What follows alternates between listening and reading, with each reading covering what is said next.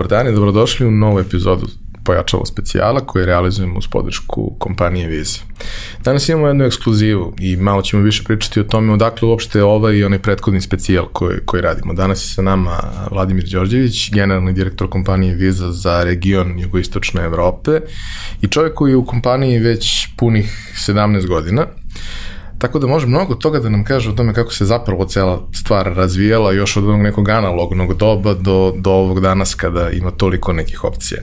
Uh, kompanija Visa posluje u Srbiji već više od 35 godina i tu se stvarno mnogo toga dešavalo pojavile su se kartice, beskontaktno plaćanje, došao je Internet of Things, došlo je mnogo toga što je u suštini uticalo na to i kako mi kao kupci plaćamo a sa druge strane kako prodavci na koje sve načine mogu da prime uplate i na koji način funkcioniše prosto taj sistem koji je nekad bio prilično rigidan, komplikovan, sada je mnogo jednostavniji i, i nudi mnogo više mogućnice. Da, I danas ćemo u principu pričati o tome kako su se stvari razvijale prethodnih godina i naravno o tome šta je sve viza u a, prethodnih godinu dana a, koji su bili godinu i po, koji su bili prilično teški i, i neizvesni i drugačiji od svih onih koje se sećamo, šta je sve uradila, ne bili podržala SME-eve, ali za početak Vladimir je dobrodošao i hoćemo na ti ili na vi? Možemo na ti svakako. A, kako si ti uopšte došao u, u kompaniju Vize i kad se to desilo? U, to je teško pitanje, to je bilo u nekom prethodnom životu, ja bih rekao. Ovaj, Pa ja sam karijeru započeo posle studija u privatnom sektoru, u trenutku ekspanzije ove, ovaj, interneta, tog bazih, baza podataka i ostalog i sasvim slučajno sam završio u banci, da ne primamo sada reklamu za bilo koju banku, ali zaista sasvim slučajno i e, taj moj prvi posao praktično u banci je bio vezan za kartice i to spet baš to vreme za viza kartice, pošto je viza bila jedina kartica u Srbiji u to vreme. Nakon nekoliko godina predanih u banci, dobio sam priliku da se okušam i sa te druge strane priče u kartičnoj organizaciji i krenuo sam ovu sada već da kažem 17-godišnju priču sa kompanijom Visa. Uh, sećam se tog vremena jako dobro, bio sam uh, jako mlad, ali to je bio neki početak uh, moje profesionalne karijere kada smo svi mi uh, dobili svoje, odnosno izvadili svoje prve kartice i izvadili svoje prve kartice za plaćanje preko interneta, pošto su to bile dve uglavnom potpuno odvojene stvari u tom trenutku i, i u banci kada bi komunicirao sa, sa ovaj, službenicima, vrlo su jasno pravili distinkciju između te dve stvari, a jel vam treba za internet ili za ostalo, pa kao treba mi za jedno i za drugo, pa da, kao jedno je za jedno, a drugo je za drugo. I sećam se da, da je taj, ovaj, taj moment mi onako bio prilično, wow, dosta smo i tad komunicirali sa, sa kolegama iz inostranstva i njima je to sve bilo naučna fantastika, kod njih je to sve naravno funkcionisalo. U trenutku kada, kada si se ti priključio uh, kompaniji Visa, kako su stvari izgledale, kako je izgledao presek neki tržišta tada? Pa lepo to što si rekao, da se sećaš i takvih stvari, ali uh, moram da odem još korak dalje. Znači još, još malo unazad. Uh, pre internet kartice, uh, pretpostavljam da se mnogo ljudi još uvek seća onih tadašnjih klasik kartica i onog čuvenog embosa na karticama, koga sad ima sve manje i manje, ali ja sam siguran da mnogo ljudi ne zna šta je u stvari bila prava svrha tog embos embosiranja kartice, a to je da taj reljef ostavi trag na onoj mašini koja se zvala pardon, imprinter, ove, što smo mi ovako u struci nazivali peglanje kartica, tako da Random. tako je, tako je izgledalo. To je, to je bio početak, a pritom i nešto što smo možda i pomenuli ovaj, pre ovaj, početka snimanja, ovaj čuveni analogni tonsko bira, pulsno biranje internet koji je pisalo 54 ka, ali nije bilo je 36 ovako u maksimum. U najboljem slučaju. Tako da. da ovaj, to je bilo svakako to da kažem bilo nešto izazovno za tadašnje prve post terminale koji su bili vezani na telefonsku liniju, pa su čak korisnici mogli da čuju kako terminal bira broj, ako pulsno okreće, ali eto, to je, to je samo, ovaj, smo se doci jedne evolucije i revolucije praktično za tih 17 godina, ako mogu da kažem. Uh, jedna od stvari kojom ćemo se baviti danas u razgovoru je i ovaj neki period koji je za nama. Uh, nadamo se u stvari da je za nama i dalje u toku, ali ajde da kažemo da je trenutno nekakvo zatišje i verujemo da, da, da ide u nekom pozitivnom smeru sve to. Međutim, period pandemije je period u kome su se navike svih nas mnogo menjale, uh, mnogo smo više bili okrenuti i na neki način primorani da se modernizujemo, iako to možda mnogi lično nisu želeli. A to je bio i period u kome su uh, kompanije uh, tražile način da se što pre i što brže i što lakše digitalizuju, jer im je onaj klasičan način poslovanja i fizičke prodavnice postao nedostupan i više jednostavno nisu na to mogli da se, da se oslone. U tom periodu um, kompanija Visa je uradila mnogo aktivnosti koje su služile da daju podršku posebno malim biznisima, um, pa bih voleo da napravimo jedan mali presek toga šta ste zapravo u tom periodu radili. Pa to je odličan uvod, s obzirom na prethodnu godinu koja je praktično bila prepoznata kao katalizator promene i inovacija.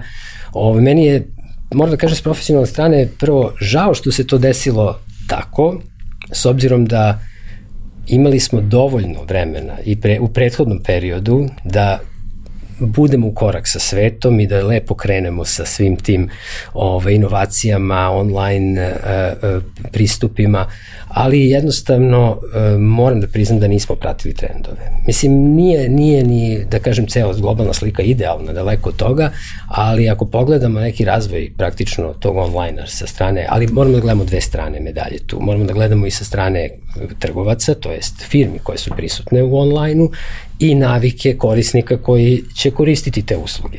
Znači, sa obe strane smo bili malo iza, da kažem, razvijenog sveta, ali svakako je prethodna godina bila taj okidač koji je promenio celokupnu sliku.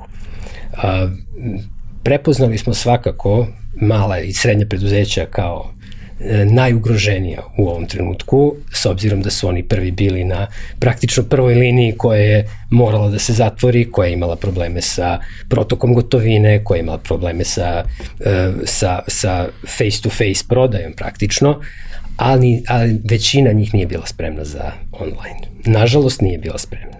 Raz, ima raznih razloga za tako nešto, ne bih sada da ovaj, upirem prstom u bilo koji od tih, ali jednostavno ono što smo mi kao kompanija prepoznali je da su to da je to segment kome treba najviše pomoći. I to tako smo i delovali. Na globalnom nivou smo se e, praktično posvetili rešavanju problema. E, predodredili smo 50 miliona no, malih i srednjih preduzeća koje će biti uključena i digitalizovana a porcija tih 50 miliona je svakako došla i na naša tržišta. Uh, uradili smo dosta, dosta interesantnih aktivnosti koje su se pokazale ne samo interesantne ovako da pričamo o njima, ali su se pokazale i vrlo konstruktivne i vrlo kvalitetne. Uh, Radili smo podršku malom biznisu, radili smo okvir pomoći sa bankama u regionu, sa NLB bankom u regionu, u tri zemlje u našeg regionu, u Crnoj Gori, u Makedoniji, u Bosni. Sa bankama u Srbiji, sa Banka Intezom i sa Raiffeisen bankom smo radili promociju za besplatno, besplatno kako bi se reklo, onboardovanje malih i srednjih preduzeća, besplatno na internet, praktično internet prodaju celokupan, celokupan paket koji će, koji će dobiti. Bio je konkurs zaista je odziv bio veliki, e, meni se ta inicijativa jako lično dopada i nadam se da ćemo imati prilike da je ponovimo u nekom obliku, s obzirom da opet kažem, možemo da pričamo o vremenu koje je prošlo, koje je iza nas, ali kako će biti u narednom periodu ne možemo da predvidimo. Tako da pretpostavljam da će biti, biti još, još mogućnosti za tako nešto, a s druge strane, e, opet jedna stvar koja nam je nedostajala i koja će nedostajati sigurno još neko vreme je edukacija i promena navika, a to opet pričam za obe kategorije, i za prihvatnu stranu i za nas, korisnike, ljude koji, koji imamo kartice i treba da naučimo i da promenimo navike da ih koristimo. Tako da smo i tu uključili e, par, par e, konstruktivnih edukativnih programa gde smo sa e, partnerima, sa ICT Hubom, a takođe i sa Exitom radili, radili edukativne programe za male i srednje preduzeća. Jedna velika stvar koju ste uradili je da ste, da kažemo, dali prostor i dali vidljivost nekim zaista sjajnim uh, malim proizvođačima i uh, da kažemo, autentičnim malim brendovima sa ovih prostora. Uh, da kažemo, niste jedina kompanija koja je to radila u prethodnom periodu, ali mislim da je svaka takva inicijativa bila izuzetno značajna. Uh, takođe, kada ste se opredeljivali za to ko je adekvatan partner, niste isključivo gledali to da to bude neko ko već ima izgrađenu zajednicu, ko već ima izuzetnu podršku i tako dalje. Naravno, bilo je i takvih biznisa, ali bilo je i onih koji zaslužuju svojim kvalitetom da se nađu tu, budu vidljivi, a možda nemaju onoliku pažnju javnosti koliko bi trebalo, pa su oni dobili ono što je njima trebalo, ovi su dobili opet nešto što, što, što je njima trebalo i to je bila jedna sjajna kombinacija. Takođe, dosta nekih aktivnosti koje smo mogli da pratimo kroz dešavanja na platformi su bile vrlo konkretne, vrlo konkretne akcije, vrlo konkretni servisi koji nude određene povlastice ili određene benefite korisnicima Visa biznis kartica, što smo manje više svi koji, koji imamo firme. Tako da prosto prilika je bilo za, za sve, mislim da je na, na dobar način to ispromovisano, mislim da je da su i krajnji rezultati tu ovaj bili dobri. Što vidimo i kroz neki od, od uh, efekata svega toga, ali svakako svaka čast i na inicijativi i na realizaciji i hvala puno što ste nas podržali da uradimo ovaj i onaj prethodni specijal, jer su reakcije ljudi na to bile zapravo jako, jako dobre. Jedna stvar je kad ti nekome daš alat koji mu je potreban da, da realizuje uh, svoju internet prodavnicu, ali to najčešće nije jedino što, što je potrebno. Kada mu kažeš, e, okej, okay, evo ti platforma, a evo ti sada i uputstvo kako da slikaš proizvode, kako da napišeš opise, na koji način da oblikuješ cene, šta je tvojim korisnicima važno, da se fokusiraš na to da dobiju što pre odgovore na te mailove. Jer možda ti nisi osoba koja odgovara na te mailove, ali možda imaš u kući dete ili komšiju koji može da pomogne, a to su sve neke stvari o kojima prosto mnogi ljudi nemaju svest dok im ne skreneš pažnju da treba da, da vode računa o tome. E sad, kad pričamo već o, o pandemiji, jer možemo da ignorišemo tu temu, ali je vrlo teško, ovaj, posebno u, u, u trenutku kada je to sve i dalje toliko blizu. Ono što se desilo je i da su ljudi bili primorani da promene svoje navike. A, prosto svi su se otvorili mnogo više ka i kartičnom plaćanju i beskontaktnom plaćanju, što je mnogo lepa stvar kad, kad imaš frku od kontakta. Ovaj, I krenuli su mnogo više da koriste digitalne servise i rešenja za i naručivanje hrane i svih drugih stvari koje su potrebne, jer prosto sve drugo je bilo u tom trenutku nedostupno. Uh, šta ste vi sada gledajući sa, sa, sa određene distancije, analizirajući ponašanje korisnika, šta ste primetili kada su u pitanju navike? Na koji način su se one promenile tokom pandemije? Posebno kada govorimo o onom prvom talasu kada je bila u suštini najrigoroznija uh, situacija i najlimitiranije kretanje. Pa svakako smo morali da pratimo celokupno dešavanje i da reagujemo brzo. Ja bih pomenuo jedan jako jednostavan jednostavno rešenje koje smo primenili, znači zaista je bilo ovaj, onako quick win što se kaže. Ovaj, prva stvar je bilo upravo to što si pomenuo da je sad došlo do tog momenta da su izbjegavali kontakt. Sad, primer radi je zaista vrlo jednostavno rešenje, podizanje limita e, za beskontaktne transakcije. To je efekat je bio fenomenalan, znači e, fenomenalan je bio i ovaj povratna informacija kako od trgovaca, tako i od samih korisnika preko društvenih mreža i ostalog. Samim tim što smo samo povećali limit kada terminal traži PIN za transakciju, je u datom trenutku prošle godine bilo revolucionarno.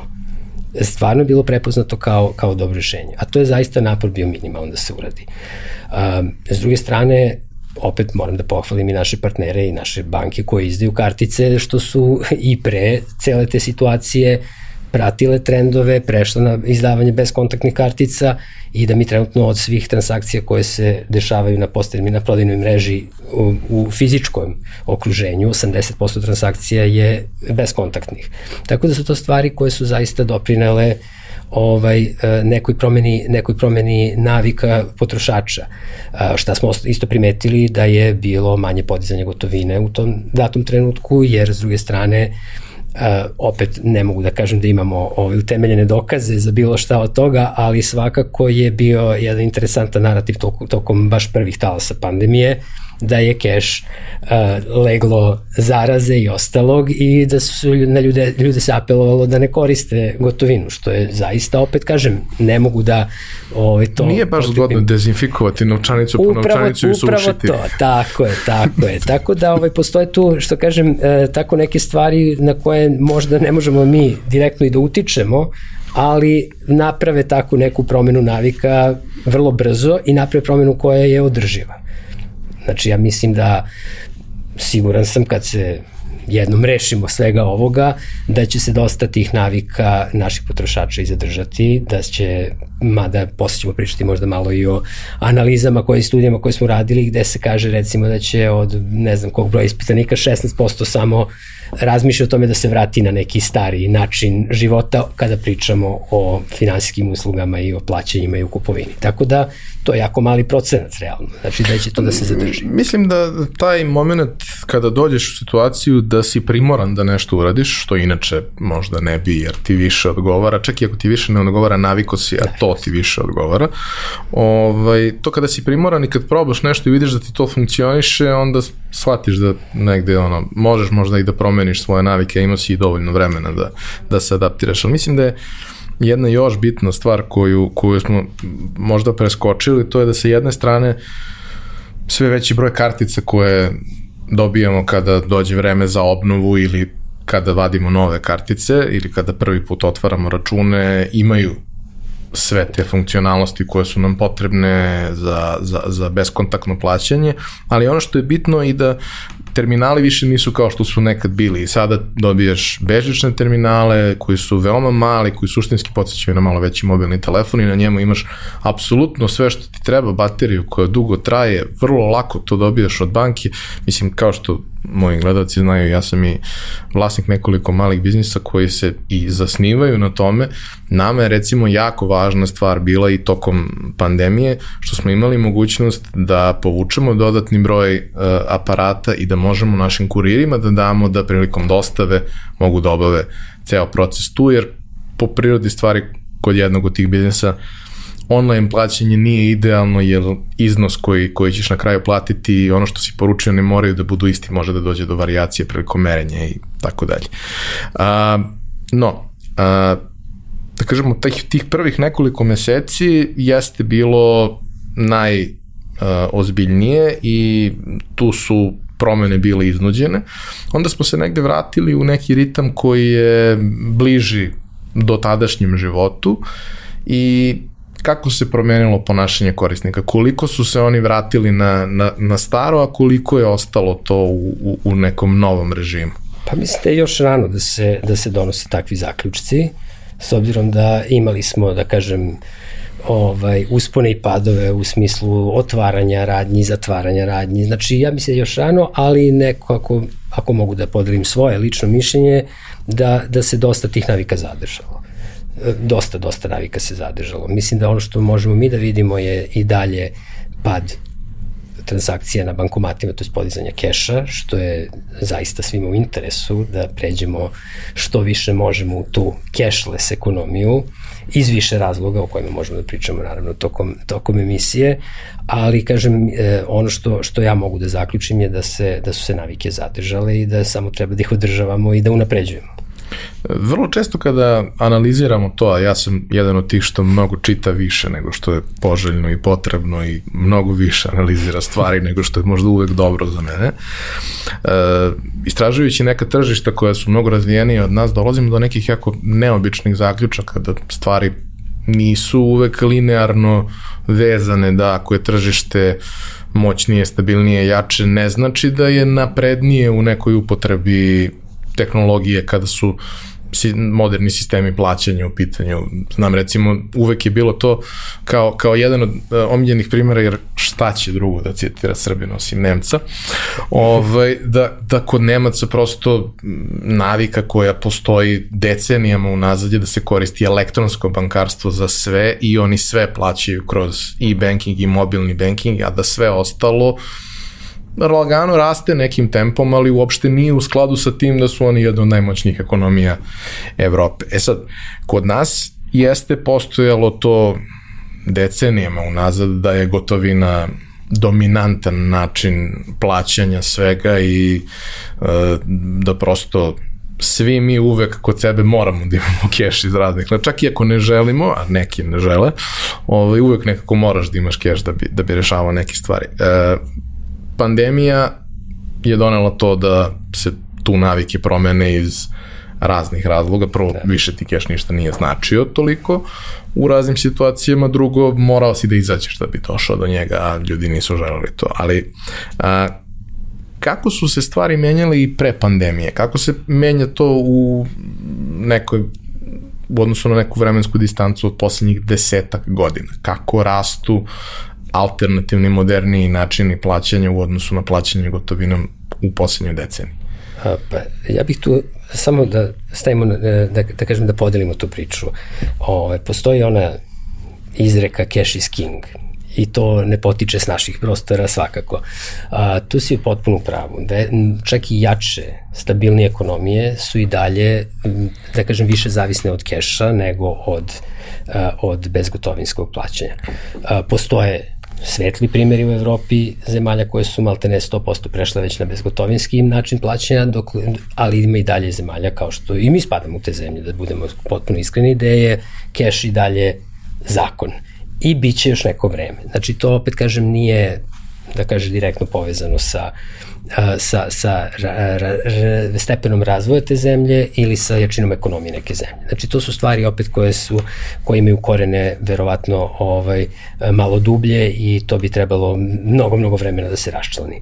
A, ono što je što je bitno reći da ne gledamo samo plaćanje kešom i plaćanje karticama kao dve suprotne e, dimenzije. E, pod, bez, bez, gotovinskom, e, pod bezgotovinskim plaćanjem podrazumevamo i ovo što si upravo rekao i internet bankarstvo, mobilno bankarstvo, znači sve gde imamo bilo kakav transfer novca, a da nemamo keš, opipljivi keš.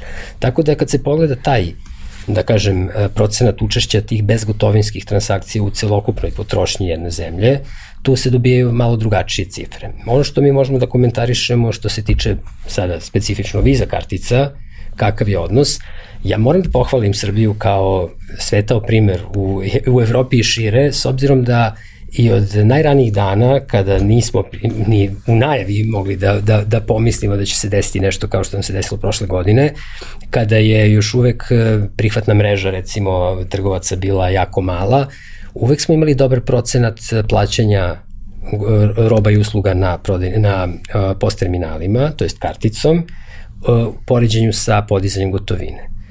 Tu je bio neki procenat koji varira oko 70-65% je svih, sve, sve, svih iznosa u Srbiji na bankomatu, ostatak je na postterminalima, ali kad se pogleda po meni mnogo interesantnije broj transakcija, broj transakcija nam čak ide u prilog uh, prodajnim mestima protiv bankomata.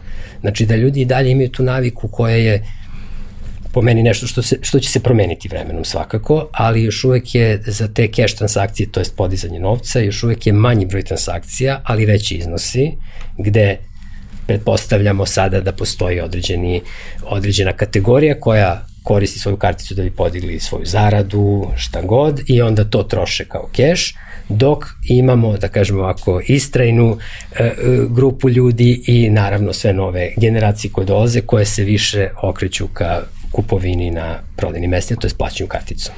Ja sam negde generacija koja je, da kažemo, odrasla sa kešom, jer prosto je to bilo jedina opcija u tom trenutku, ali sam ono, prometio i kod sebe u nekom redovnom ponašanju koliko sam se više prebacio na karticu, posebno sada kada imam samo mogućnost da prislonim. U onim nekim situacijama, kada je u pitanju apoteka, kada je u pitanju neka mala transakcija, gde ja nemam tačan iznos, ne mogu sad da čekam da mi se vrati kusur, niti znam šta da radim sa tim kusurom na kraju, jer gledam da mi novčanik bude što manji, a ne što veći ovaj, u, u džepu. I onda prosto u takvim nekim situacijama mnogo je jednostavnije, mnogo je praktičnije da to završim na taj način i obično i sa strane, da kažemo, prodavaca, posebno kada su u pitanju neki lanci, ovaj, su vrlo pozitivne reakcije jer i njima rešavaš pitanje globolje, dešavalo mi se, skoro mi se baš desilo ovaj, jedna kupovina, bilo je, bilo je jutro, ne nešto, čak nije rano, ali svako jutro za shopping molove je verovatno najgori deo dana i nema, ovaj, nema kupaca, gde je žena pre mene reklamirala neku robu i trebalo da je, da je vrate novac i devojka kaže, ali mi stvarno nemamo keš, nismo imali ni jednu prodaju od jutros koja je bila za keš. I ovo devojka se okreće kao, a vi? I ja dažem karticu i kažem, pa niko od mene se verovatno nećete usrećiti.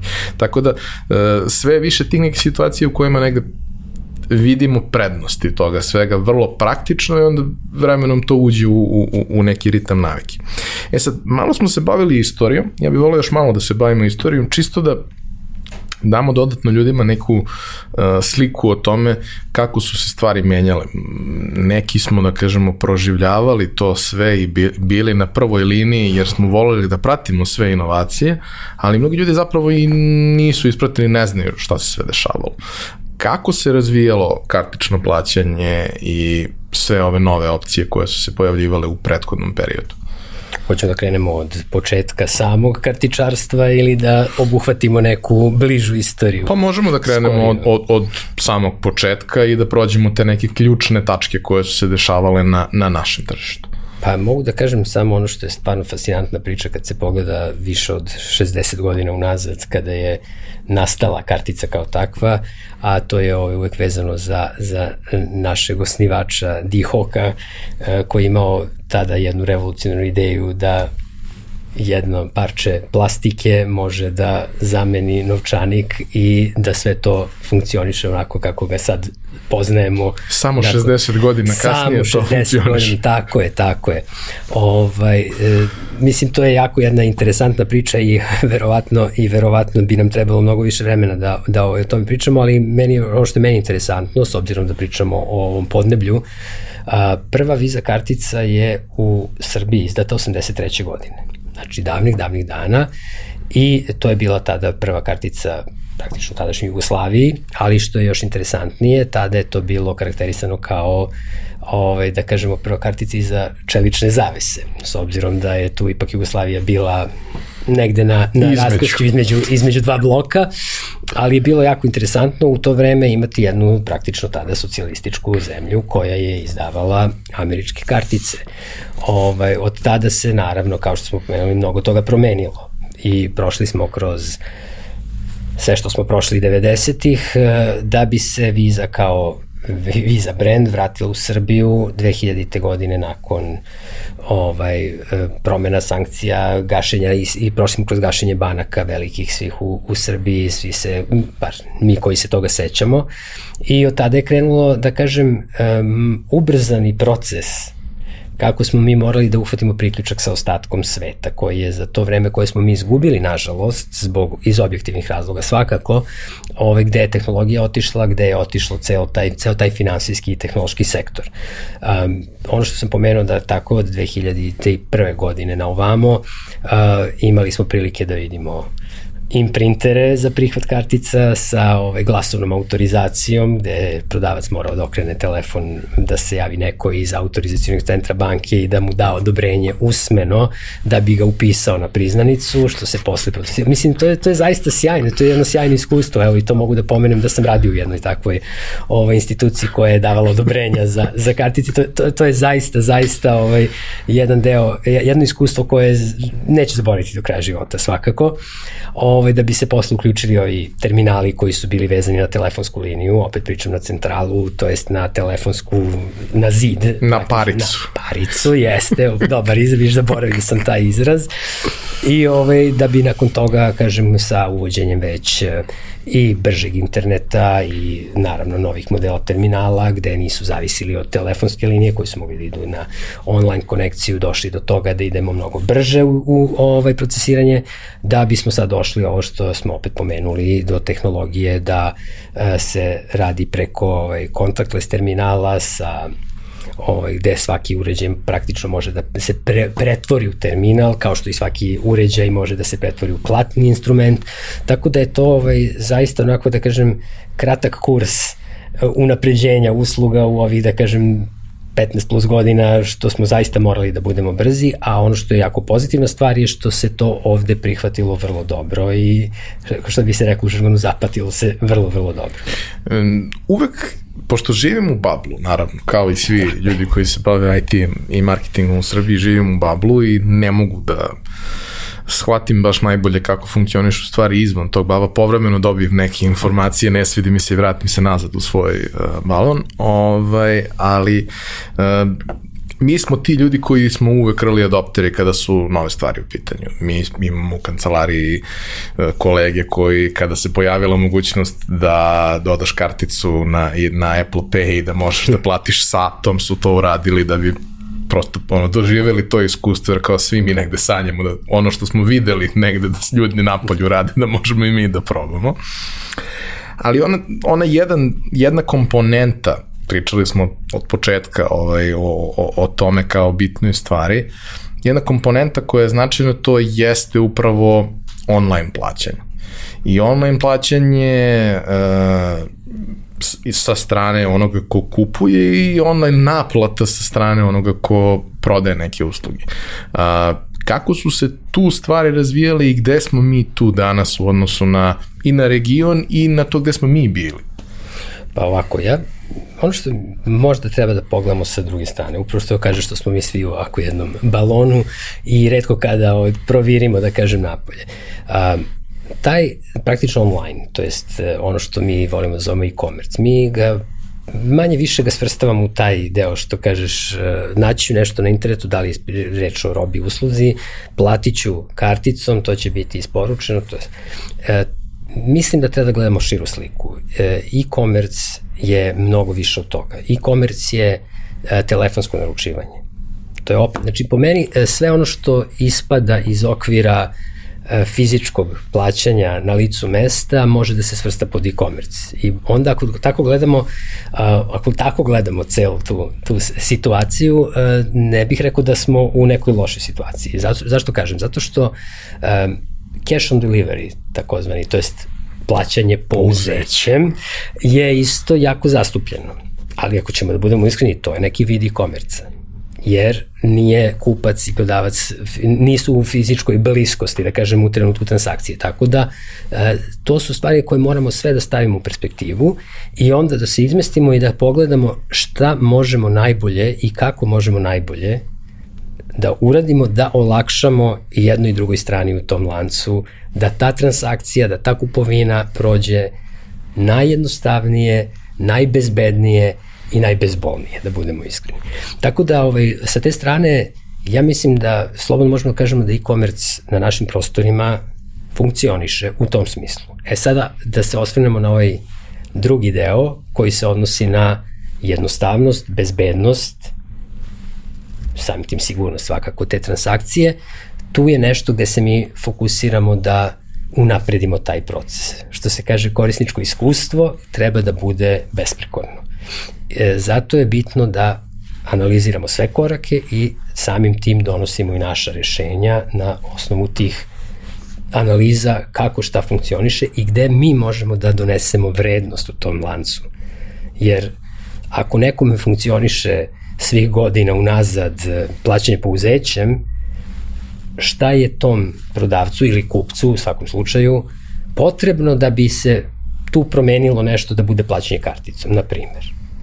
Da li je sada, što ti kažeš, Apple Pay nešto što bi tog nekog prodavca predomislilo da pređe na tako nešto? Ne nužno. Tako da moramo da budemo zaista, da budemo uh, usrećeni na case by case, šta se kaže, ovaj, rešenja, da bismo što veći broj tih trgovaca i ljudi, svakako koji kupuju tim putem, preorijentisali na neka jednostavnije izgodnije rešenja. Tako da ovaj, s te strane, gledajući sada ovaj deo što si pomenuo samo internet kupovinu misleći na plaćanje karticom, dostava i ostalo preuzimamo robu, ekspanzija je svakako, najveća ekspanzija se desila prošle godine. To je bez daljnjeg, znači tu ne možemo da sporimo. Mi smo imali uza, od 2013. krenuo da kažem neki ovako ozbiljni raz, rast i razvoj e-trgovine, ali e, bez obzira što smo tada beležili nekih 50 do 100% godišnjeg rasta i ostalo, moramo da budemo iskreni prema sebi. E, sa malom bazom, naravno da će rast izgledati tako. Apsolutnim ciframa je to smešno. Tako je, ali, ali definitivno je 2020. godina bila ta koja je napravila najveću ekspanziju u online trgovini. Što po porastu broja trgovaca, to jest firmi koje su na, prisutne na internetu, do broja transakcija. Znači imali smo, ovaj, ako pogledamo analize, od 2013. da je bilo malo preko 140.000 transakcija godišnje na e-commerce da smo došli na 14,5 e, miliona transakcija u prošloj godini, što je zaista ozbiljan rast i nešto što je već osetljivo, opipljivo u ovom, u ovom rangu.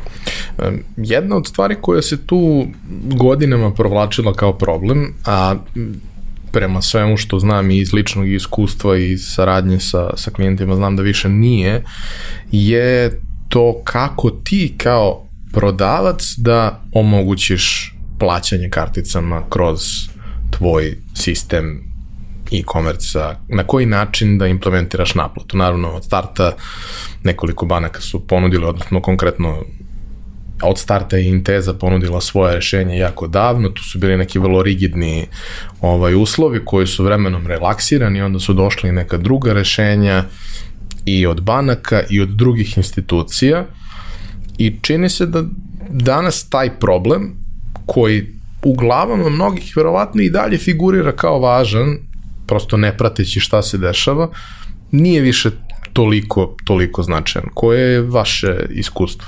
Ne, pa svakako, svakako se tehnologija promenila, pristup poslu se promenio dosta u posljednje vreme i jeste, ako poredimo neki period 2013. sa prošlom godinom, to su po meni trenutno neuporedive stvari. A, ono što je po meni isto jedan bitan korak u celom tom razvoju koji nam se dogodio je upravo sve veći broj eksternih firmi, to jest procesora, uh, payment providera koji se uključio u ceo lanac i koji obezbeđuje tim trgovcima lako, efikasno, brzo i jeftino integraciju na ovaj online, online platformu, a gde je banka i dalje finansijska institucija koja će biti odgovorna za finansijsku transakciju, da prodavac bude isplaćen i da kupac koji je platio tu robu bude siguran da će dobiti to što je, što je naručio. Tako da se pojava samih partnera bančinih i naših praktično u tom lancu, ovaj, e, pojava tih partnera sertifikovanih je unapredila značajno, značajno i olakšala sam proces e, integracije. E, ta postavka gde je viza nekakav veliki značajan entitet koji, koji postoji tu, ali koji radi kroz druge sisteme, znači da negde zavisite od njih i njihove sposobnosti da prate sve što je potrebno. Koliko su kod nas banke, a sada i ostale finansijske i platne institucije spremne da isprate sve potrebne inovacije koje treba implementirati kroz, kroz svoje sisteme. Tu moram da pohvalim zaista ceo, da kažem, ekosistem, zato što zaista postoji apetit i resursi i mogućnosti da se, da se bude u korak sa svetom i sa inovacijama. Mislim, pomenuo si sam par primera, ovaj, zaista, smo, zaista smo među prvima u ovom delu sveta i regiona implementirali Apple Pay, implementirali smo Google, Garmin Pay, očekujemo Google Pay uskoro, tako da ovaj, tu, tu smo praktično korak sa, u korak sa, sa svetom što se toga tiče.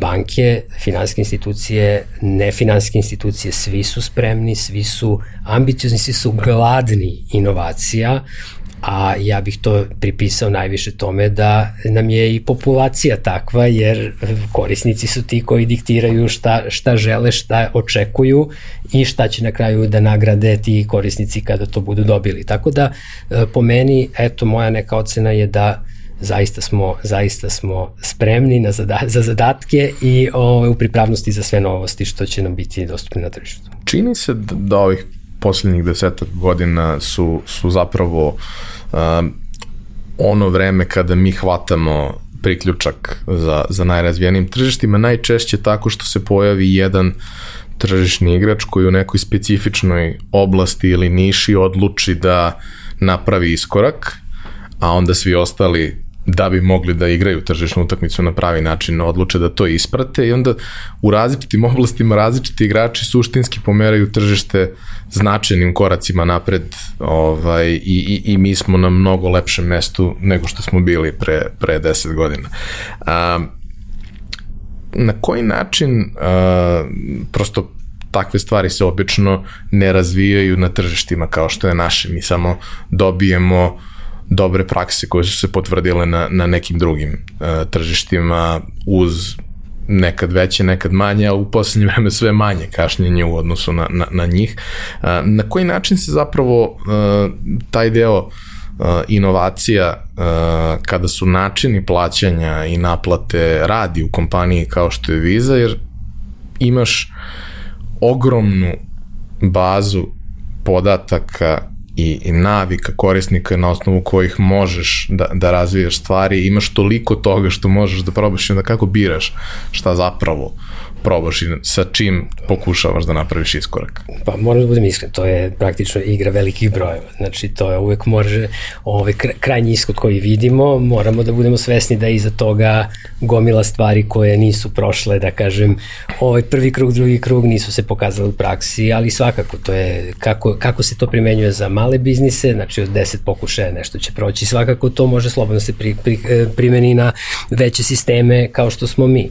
A, imamo za zaista, zaista ovaj, veliki i, i dobar inovativni centar i odeljenje koje se bavi inovacijama, sve se to radi, da kažem, na više slojeva sa globalnog nivoa na, nivo, na nivoima naših regiona i jednu ispravku bih samo na tvoju konstataciju malo pre, da e, čak smo mi u nekim slučajima i bili prvi za neke, ovaj, neke inovativne rešenja. Evo to mi sada ovako je sinulo da smo ovaj, 2000, ja mislim sada da 15. godine pustili prvi uh, wallet na Android, NFC wallet, contactless mm -hmm. wallet na Android platformi sa, sa bankom Intezom u Srbiji, što je bio prvi u našem regionu, pričamo o regionu CME gde su ipak i zemlje koje su mnogo veće, da kažem i bogatije, koje su mogle da, da možda, možda i prednjače u tom smislu, ali ovaj, a, mislim da je tu jako bitan moment te odluke vizije, i na kraju samog rešenja i brzine implementacije. I tu smo bili zaista, među, ne među prvima, nego smo bili prvi u našem regionu, što je jako bitno. Ali svakako, svakako ovaj, su to stvari koje, koje radi mnogo veliki tim, koji ozbiljno radi te stvari da na kraju mi dobijemo gotov proizvod koji možemo da, ovaj, da budemo u korak sa svetom. Mm, kao da Visa funkcioniše na principima na kojim funkcionišu visokotehnološke kompanije. One koje posluju na mnogo tržišta, koje tačno znaju koje su karakteristike svakog tržišta i koje znaju za koji tip tržišta, koji tip korisnika treba iskoristiti kao dobro tle na kom probati konkretnu inovaciju. Pa upravo je to i cela filozofija kompanije koja je globalna kompanija, ali svakako deluje lokalno. I bez lokalnog znanja mi možemo da ovde prodajemo stvari koje ne bi bile prihvatljive za ovo tržište, zato nam je potreban taj lokalni pristup. I to je prvenstveno, to je ono što je najbitnije u ovoj celoj priči. A, s druge strane, opet, e, kada si već pomenuo ovaj, kompaniju e, i, i način poslovanja, e, mi u šali volimo da kažemo da je Visa prvi fintech iz 50. 60. godina prošlog veka, znači to je bilo ovako ispred svog vremena. Tako da mislim da je ta, da je ta crta zadržana još iz tog doba, da smo uvek gledali da budemo ispred svog vremena, kako bi bili inovativni, kako bi menjali model poslovanja, kako bi menjali pristup i upravo to bili lokalni da bismo zadovoljili potrebe lokalnih tržišta. Jedan od najvećih strahova koji su ljudi imali vezano za pre svega online plaćanje, ali ne samo online plaćanje, već generalnu upotrebu što kažu plastike, jel? Ovaj, je bezbednost. I naravno, kako to kod nas biva, kao što je bio problem i sa elektronskom trgovinom, najčešće vesti koje se nalaze o tome su one negativne, milion uspešno realizovanih transakcija nikome nisu interesantne, ali ako je neko dobio ciglu, čak i da se to nije desilo, to će završiti jer to će izazvati mnogo veliki broj klikova, poseta i svega. E sad, uh, kompanija Visa se vrlo posvećeno i ozbiljno bavi ovom temom jako dugo unazad. Uh, šta je ono što treba da zna vaš korisnik o tome kako funkcioniše bezbednost kada je u pitanju plaćanje kartica? Pa to je, to je uvek e, ovako vruća tema i hashtag nije se desilo, ima mnogo, mnogo takvih priča. Ovaj, e, pa možda bi bilo interesantno osvrnuti se na par takvih nekih ovaj, komentara, sve sa ovim hashtagom nije se desilo. Ovaj, imali smo i prilike ovako offline da pričamo o, o nekim ovaj, momentima šta se dešava u laboratorijskim uslovima i ostalo, pa se setimo ovaj, nekih studija koje su u laboratorijskim uslovima uspele da pročitaju podatke sa kartice bezkontaktne na nekoj razdaljini, ne znam koliko sumanuti nekoj razdaljini, što ove, otprilike da ako se pretvori u ove, sad fizičari će to bolje znati od mene, ovaj, taj nivo radijacije bi bio jako, jako zabrinjavajući da se tako nešto odradi. Ovaj, takođe, takođe ovo e, što, što volim da pomenem, a priča zaista, da, je, da se jeste desilo kada sam u razgovoru sa ovaj, jednom novinarkom iz regiona ovaj, pričao, pa posle intervjua, pa mi je rekla, žalila se na svoju banku koja je nju zvala dok je bila u Italiji u radnji i kupovala nešto, neku brendiranu stvar, ne znam da li je tašna ili nešto, i ovaj, nije prošla transakcija, nego su je pozvali iz banke da pitaju da li je ona na, tu, na tom mestu, ona je rekla da jeste, oni su se zahvalili i transakcija je prošla. Ovaj, ja sam na to nju pitao kontra pitanjem, a zamislite da ste sedeli kod kuće i gledali TV, a da je neko kupio to što ste vi platili, a da vas banka nije pitala za tako nešto, pa da je bila zaista zloupotreba. Pa iz te perspektive kao to zvuči ok.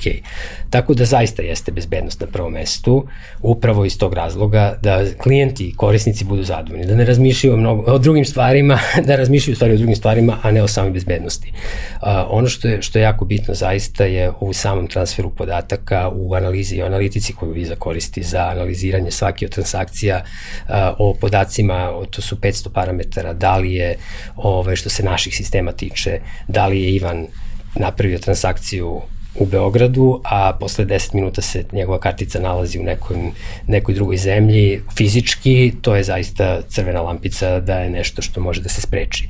E, takođe, uvek i ovako u šali volim da kažem kada se ljudi ovaj, žale na mogućnost neke zloupotrebe ostalo, ako izgubite karticu, to je, krećemo od najbanalnije stvari, ako izgubiš karticu, prijaviš svoj banci, banka je blokira i ti si miran, ako izgubiš novčanik sa kešom, tih para više nema, nećeš ih ni videti, niko ti neće vratiti. Ako budeš dovoljno srećan, dobit ćeš dokumenta nazad, ali novac nećeš. Tako da kartica je zaista u svim kategorijama, da kažem, bezbednija, a samim razvojem tehnologije, naravno, razvija se i, e, razvijaju se i načini e, pokušaja e, zloupotreba uzima identiteta.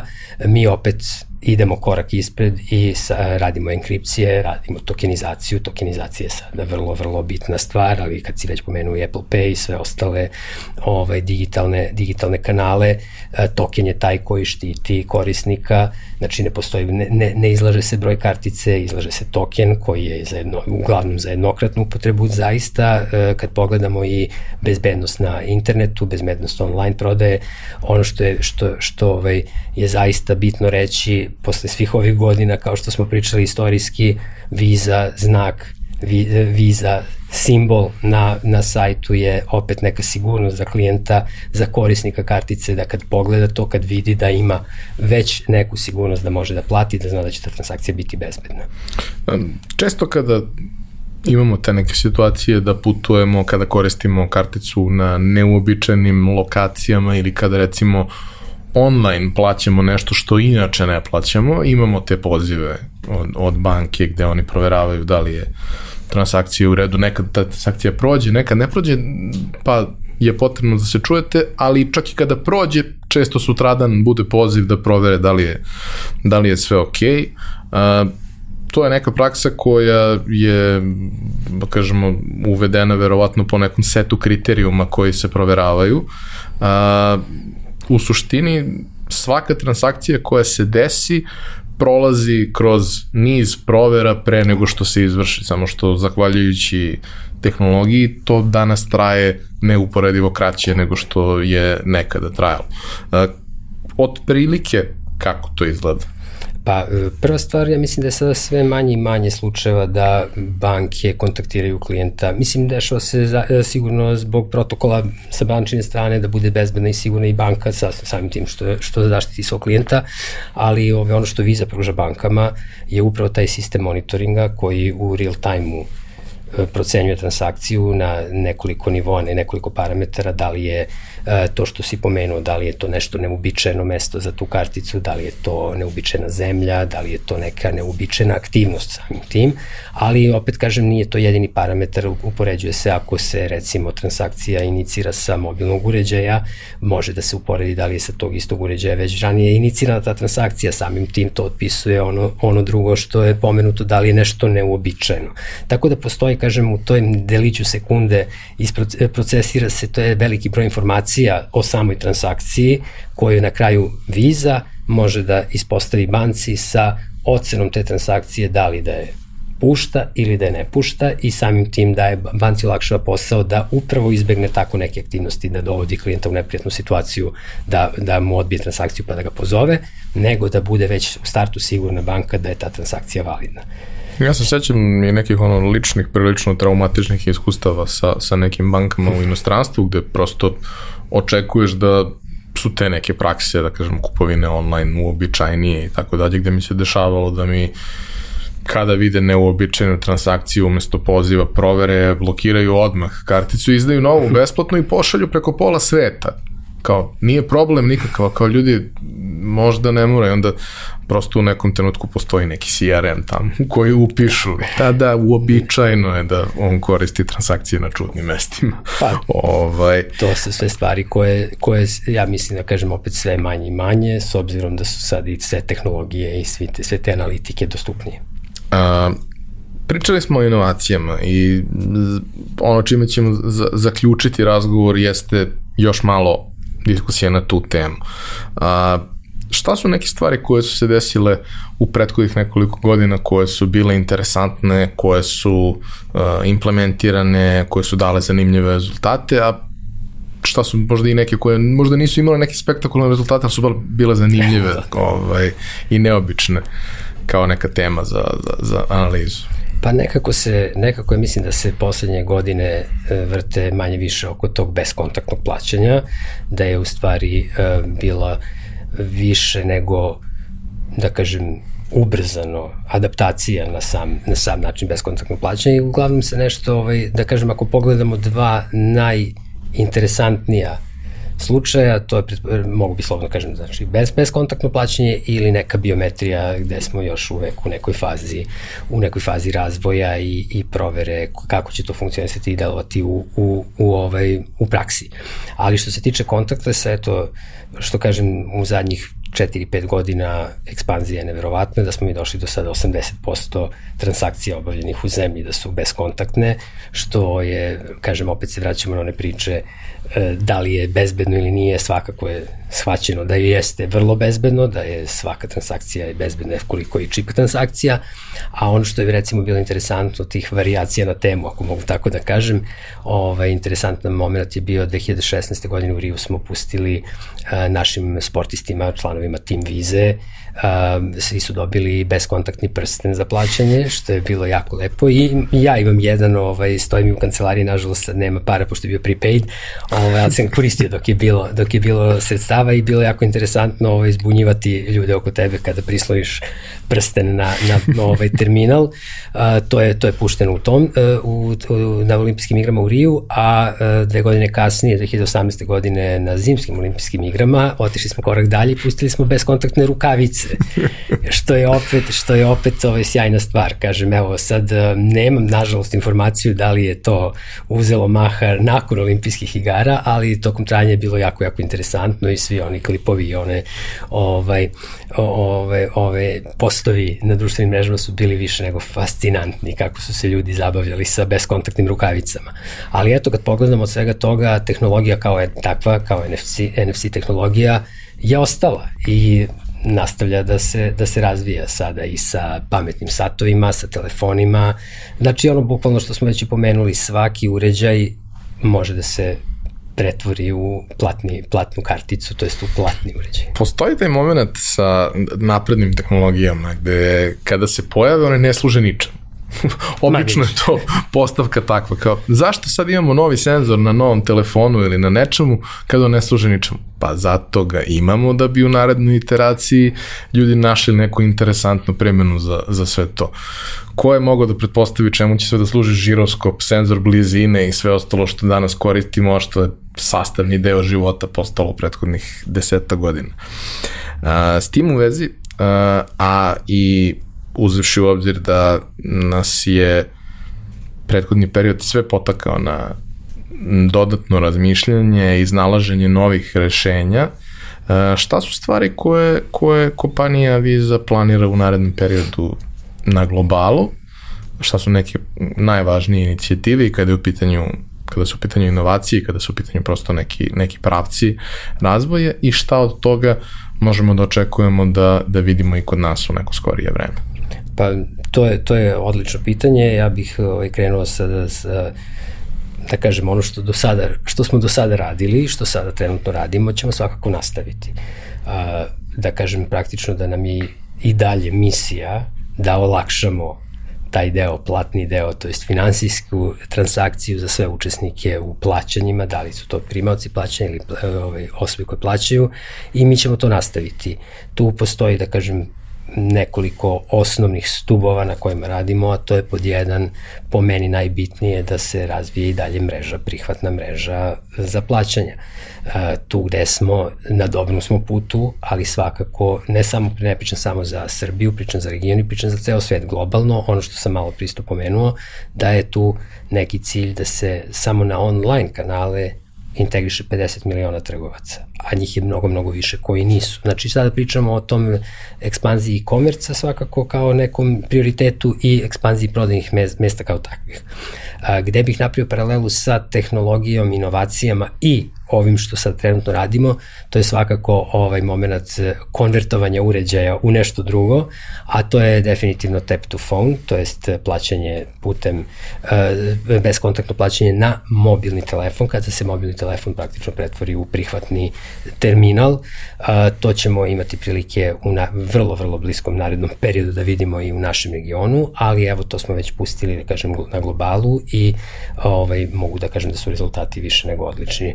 A, to je jako bitno i uklapa se na ovu priču našu sa početka, jer a, i dalje imamo mnogo, mnogo trgovaca koji su jednostavno u toj nekoj delom, da kažem, u neformalnoj ekonomiji, da kažemo sivoj ekonomiji, zato što ne, ne žele da imaju prihvat, ne, za, ne samo kartice, pričamo i o fiskalizaciji o svemu, to je nešto što mi kao, kao kompanija ne možemo da direktno rešavamo, a s druge strane ovaj, opet postoji tu jedan moment što se tiče cene, investicije, gde znamo da je širenje mreže skupo, skupo je za učesnike u tom procesu, terminali nisu jeftini, a, terminali da se nabave, ako će banka da daje terminale nisu jeftini, terminali ako će trgovac da ga kupi nije jeftini za tog trgovca, tako da kažem to je rešenje nešto, nešto će u mnogome olakšati ceo proces gde će trgovac moći da već svoj postojeći uređaj konvertuje u prihvatni uređaj bez dodatne investicije i bez nekog problema u održavanju i plaćanju i ostalim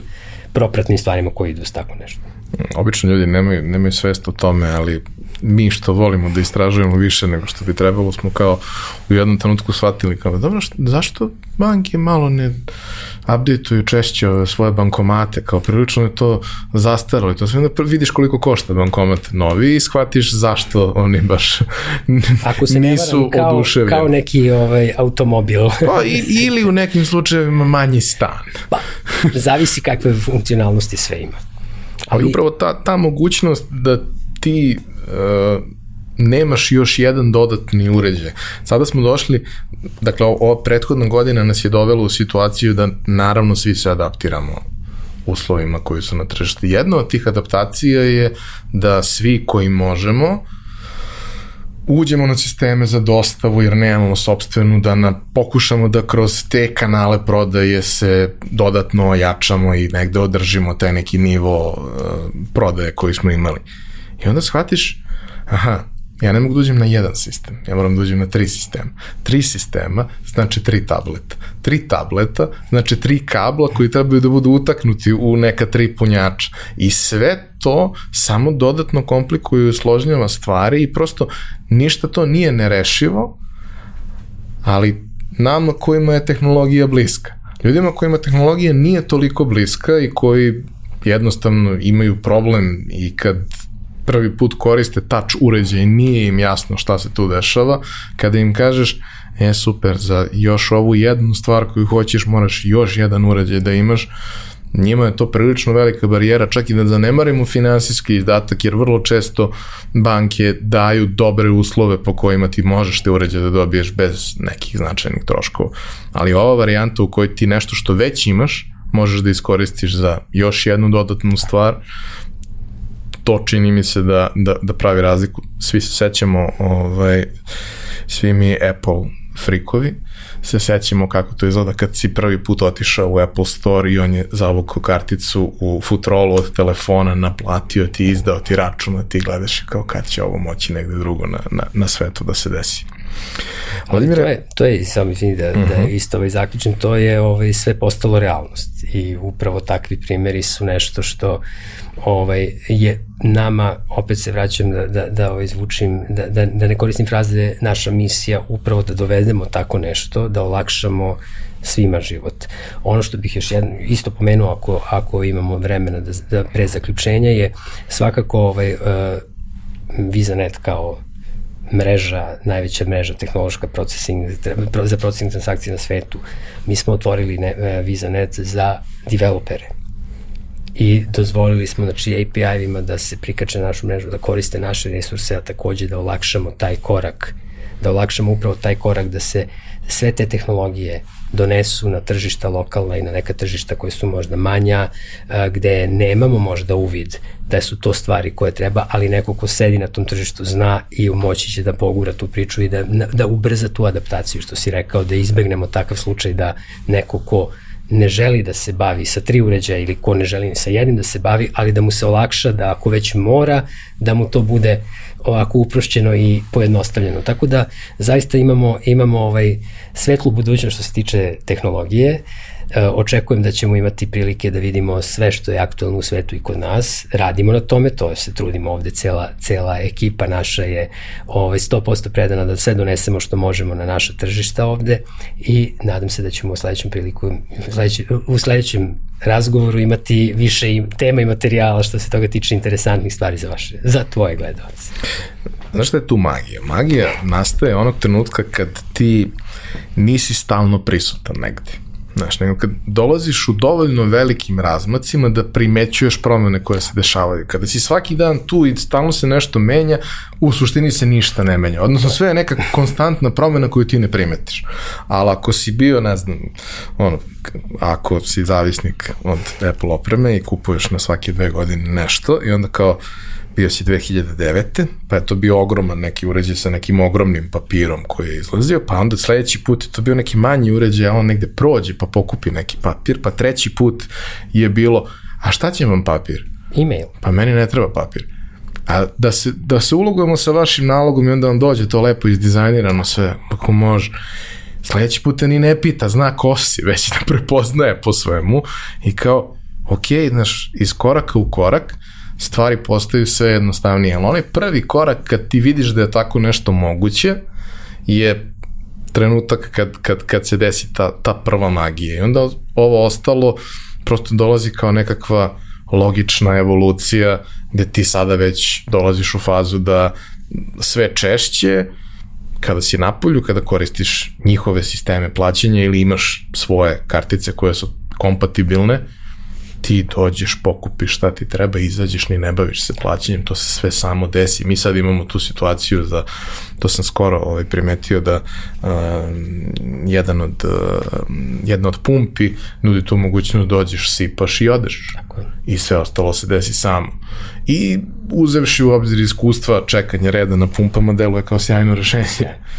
Ali upravo to je na to što si pomenuo da se promenilo od 2009. na ovamo. Uh, redko ko je uspeo isprave, što se kaže. Znači, upravo je to je poenta te evolucije koju ti kažeš prirodna evolucija, ja ne bih rekao da je prirodna evolucija, nego da mora da se ukaže da sve može da se poboljša.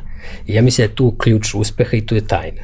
Jer ako smo došli iz tog velikog uređaja koji izbacuje papir do momenta da znaju ko si, da si sve završio, to upravo nije po meni neka prirodna, to je ubrzani proces zato što postoje ljudi kao što si ti koji će da ukažu da je ovo je sjajno, ali tri tačke može da bude i bolje. I ja mislim da je to ono gde, čemu svi, svi stremimo i mislim da je to ono što će nas pokretati u narednom periodu što se inovacija tiče. Da ukažemo na nešto da može da bude bolje.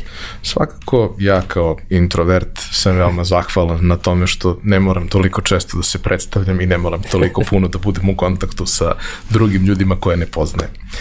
A, Vladimire, hvala na sjajnom razgovoru uh, i na tome što si, što si podelio uh, i neku svoju priču i prosto ugao jedne kompanije kao što je Visa, jedna od najvećih kompanija na svetu u svom sektoru.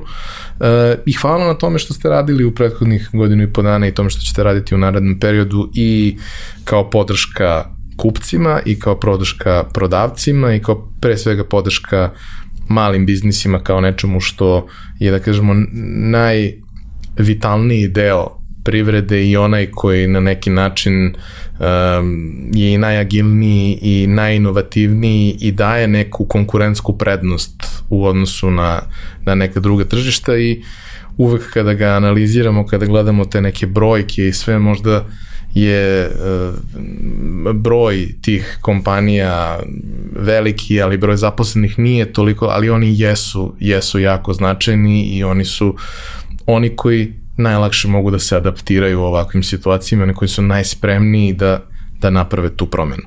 A, kao što znate, na, na sajtu kompanije Visa postoji a, sekcija koja se bavi temom kojom smo, o kojoj smo danas pričali, to je platforma za podršku malim biznisima. Link imate u opisu ovog podcasta kao i u prethodnim epizodama. Pratite šta se tamo dešava.